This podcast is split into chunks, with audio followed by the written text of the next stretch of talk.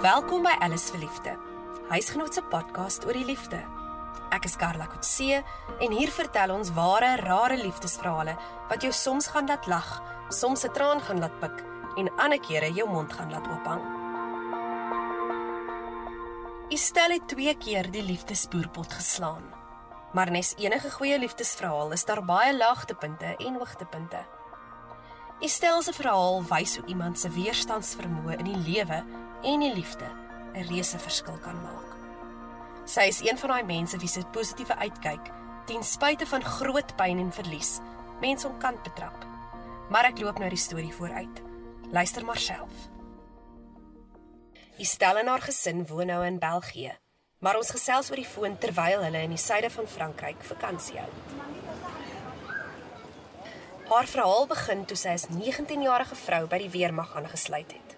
Ehm um, ek het in ehm um, 1993 het ek in die ehm um, weermag ehm um, ingewandel as 'n as 'n troepie en die dag die 16de Januarie 1993 wat ek by die hek ingestap het, die offisier aan diens was luitenant De Bruin geweest.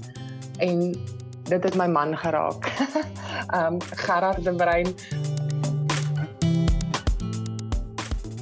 Ja, dit was dit was regtig um, amper asof soulmates mekaar daar gekry het en dit is waar ons mekaar ontmoet het en um, ons het uitgegaan vir 6 jaar, um, verloof geraak en in um, 25 September 1999 is ons getroud.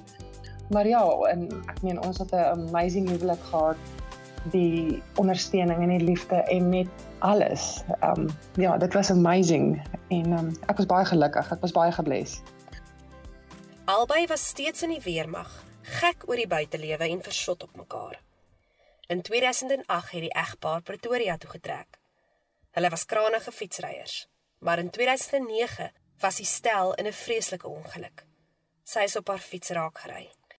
Um ek het my bekken op 5 plekke gebreek. Um al my ribbes aan die regterkant, um my femur, my blaas het gebars, my long het plat geval.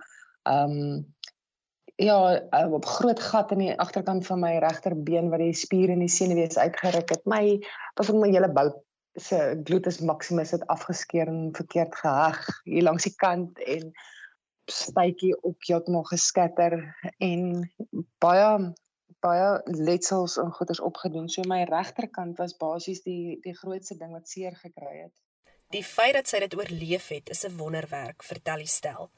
En sedert sy die eerste keer haar oë oopgemaak het na die ongeluk, was Gerard langs haar hospitaalbed. Elke dag vir byna 100 dae. Hy was elke liewe dag by my. Elke dag. Um en hy was claustrophobic, so hy het nie huisbak gery nie en um ek het op die 6de vloer van een militêre hospitaal gelê. So my arme man het dag in en dag uit trappe geklim, trappe op, trappe af. en um ja, dit is dit klink klein, maar ehm um, dit is die daar was baie baie liefde en baie effort in ehm um, in sy ondersteuning met my. So hy was 'n amazing pilaar vir my en ja, hy was alles in my in, in my gesondword proses. Eendag het Gerard glo vir 'n vriend gesê hy weet nie hoe stel so sterk is nie. Hoe sy positief bly ten spyte van al die pyn en weke aan een in 'n hospitaalbed nie vir haar gesê as dit ooit met my sou gebeur, sou ek dit nie kon hanteer nie. En ek was eintlik so kwaad geweest dat hy um toe ek hoor hy dit gesê want ek het ek glo my hart wat so sterk man hy was want ek meen sonder sy ondersteuning sou ek dit nie gemaak het nie. En toe hy gesê het maar as dit met hom sou gebeur het, sou hy dit nie kon hanteer nie en onwetende van wat 5 en 'n half maande later met hom gebeur het.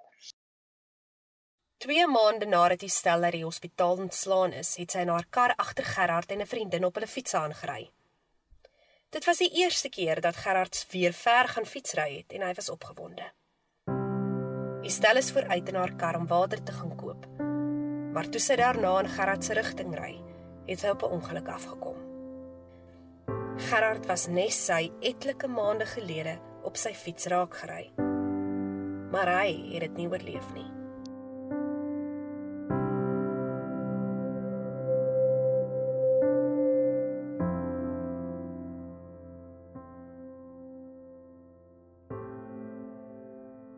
my geloof het my deurgedra. Klaar. Ek het um ek het tot vandag toe nog nooit gesê hoekom nie. Um ek het nog nooit daai paadjie afgestap oor maar hoekom ek of enige iets nie. Ek het ek het die keuse gemaak om nie in sak en as te gaan sit nie, um en om op te staan en te lewe. Um 'n baie baie baie groot faktor wat bygedra het buite my geloof is my is my ouers. Um my ma my pa het van die 16 Augustus af het hulle beurte gemaak. Hulle nag in en nag uit het hulle by my gesit as ek moet slaap om seker te maak ek is okay en my deur alles gewerk en deur alles gehelp. Met Gerard se dood het ek gevoel dat al daai goeders wat ek um mee gehelp was in die hospitaal toe ek daar was, het my gehelp met Gerard se dood en om dit te verwerk. Dit was my amper so 'n voorbereidingsproses en hartseer geraak het, het ek gehuil. As ek daaroor moes praat, het ek daaroor gepraat. Maar ek het nooit um ek het nooit negatief geraak oor dit nie. Ek het geweet daar's 'n groter doel of nie 'n groter doel nie. Dit is nie die regte woord nie. Ek het geweet daar gaan goed uit dit uitkom. Um en dit het. Ek meen ek is ek is baie dankbaar daarvoor. Dit maak dit tot vandag toe nog nie maklik nie. Dit maak nog steeds nie maklik die feit dat jou jou lewensmaat, jou alles so weggevat is van jou nie. Estelle en Gerard het nooit voor sy dood kinders gehad nie. Hulle het vir fertiliteitsbehandeling gegaan en het oor aanneming gepraat voor haar ongeluk, maar dit was hulle nie beskore nie. Op net 35 jaar oud was die stel 'n weduwee. Um Gerard is oorlede die 16 Augustus 2009 en in 2010 het ek in my maand het ek weer begin fietsry, maar ek het bergfiets toe gery en ek het 'n 'n um, vriendegroep um opgebou daar wat so 'n fietsrygroepie is en die meisietjie het vir my gesê luister hierso kan wil ek nie die Saterdag saam met haar na 'n man kom fietsry nie dan kan ek haar man ook ontmoet. Min weet en dat die egpaar se beste bel ook saamgenooi is. Die Saterdagoggend kom ek daar en hierso parkeer ek langs hierdie kar en hierso is hierdie fietsryer met sy afmoutjies. Ek hou nie van afmou fietsry en pies nie. En ehm um, hy het baie baie vriendelik my gevra kan hy my help met enigiets? En ek is so nee doen los jy vir my uit. Ek is ek is sterk. Ek doen my eie goed. Fiets gery en maar um, ek het hom eintlik probeer vir my net 'n week later toe breek die einste vriendin wat haar saamgenooi het haar enkel.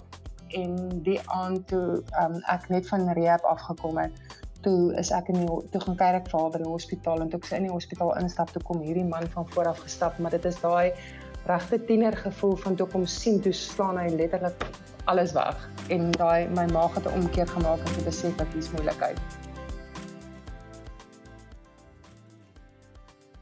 Rian is 4 jaar ouer as sy stel, geskei en 'n pa van twee kinders wat toe op die drempel van tienerwees was. Die aantrekkingskrag was so groot dat hulle na daai dag seker gemaak het hulle sien mekaar daagliks by die hospitaal. Toe vra Rian, 'n bedryfsingenieur, haar om die oggend voor werk te gaan koffie drink. En dit is die eerste keer wat hierdie militaris in haar hele lewe stokkies gedraai het. Ons het koffie gedrink en dan Woolies se koffie shop en ek het net besluit daar is nie 'n manier ek het in my uniform gesit daar is nie 'n manier wat ek vandag werk toe gaan nie ek het nie eers siek ingebel of iets nie ek het net gesit en ge, gesels en ons het naand oorgeskuif want die mense het ons vreemd aangekyk. Ons het naand oorgeskuif toe cappuccino's oopgemaak het. Het ons middagete by cappuccino's geëet en waar ons het daar letterlik ons het daai hele dag spandeer en mekaar se se verledes ontdek en gedeel en foto's gewys en Rian het oor die um, vertel van die kinders en van sy egskeiding en ek het natuurlik my en Gerard se storie vertel, gehuil, gelag, gehuil, gelag. En ewe skielik is net daai ag, kan sy voet nie net asseblief teen myne raak nie. En ehm um, natuurlik het dit. En op 'n stadium het hy toe kon ons nou nie meer oor die tafel vir mekaar foto's wys nie, toe hy langs my kom sit en toe hy langs my kom sit, was dit net hierdie absolute ek kry sommer my hart stop sommer vinniger as ek net aan dit dink. Um toe kom sit hy langs my en ons skouers het so aan mekaar geraak en dit was regtig die eerste keer wat ek dit so ervaar het. Estel sê Rian en Gerard is stol, dalk en handsome. En alhoewel hulle baie eenderse eienskappe het, verskil hulle ook baie van mekaar. Daai selfde jaar wat sy Rian ontmoet het, het hulle verloof geraak.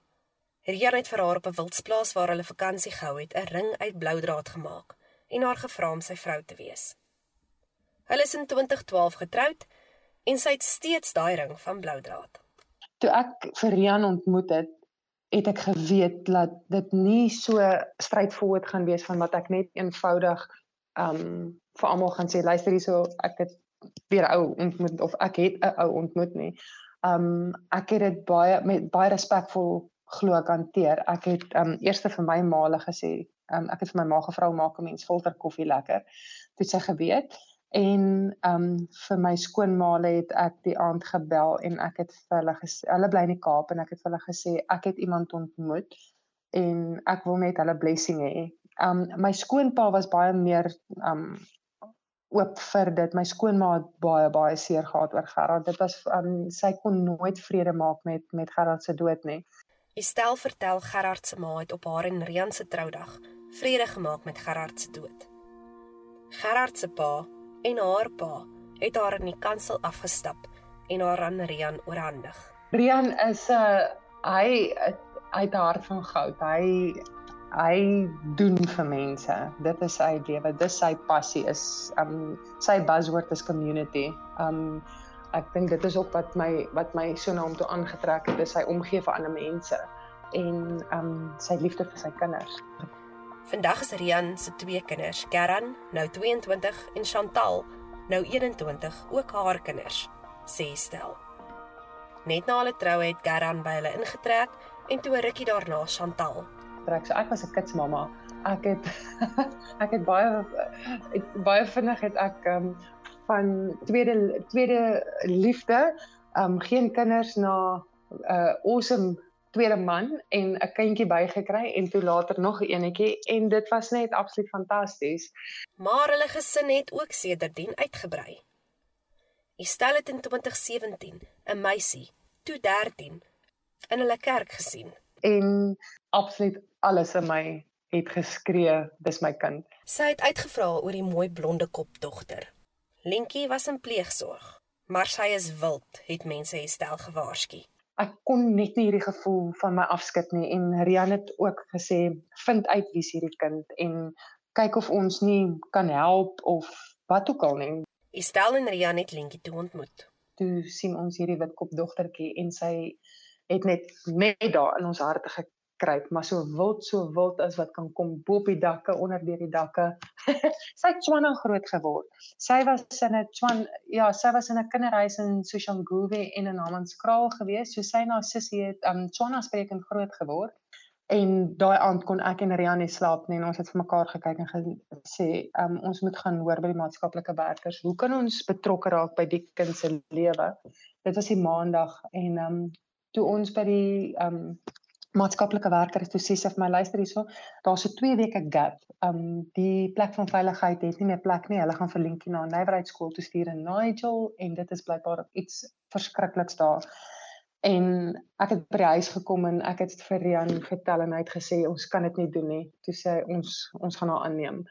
En vir die afgelope 2 jaar is Linkie 'n volwaardige lid van die van der Merwe gesin en ons het ons kind gekry en die hele ironie van alles is en niemand kan glo sy's nie ons kind nie. Ek en Lentjie is 'n carbon copy van mekaar. Ons is dieselfde gebou, ons lyk presies dieselfde. Ons het dieselfde voorkeure en afkeure, selfde. Ek het 'n ek het 'n absolute liefde vir 'n klip en Lentjie versamel klippe soos kan kom. Ons doen baie goeders dieselfde. Dit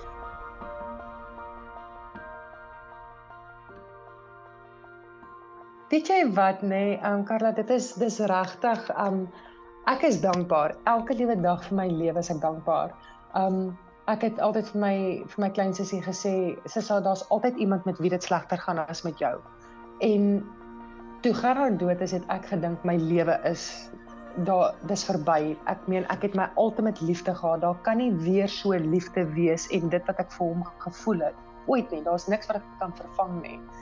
En Rian wat deur 'n verskriklike traumatiese se egskeiding gegaan het en sy lewe was aan skerwe en ons twee se paaie gekruis en ons het mekaar albei rock bottom in die sin van emosioneel rock bottom ontmoet en net oor hoe ons mekaar opgetel het en um daai tweede kans op liefde en die lewe gegee het. Um ons ons paai het op presies die regte tyd gekruis.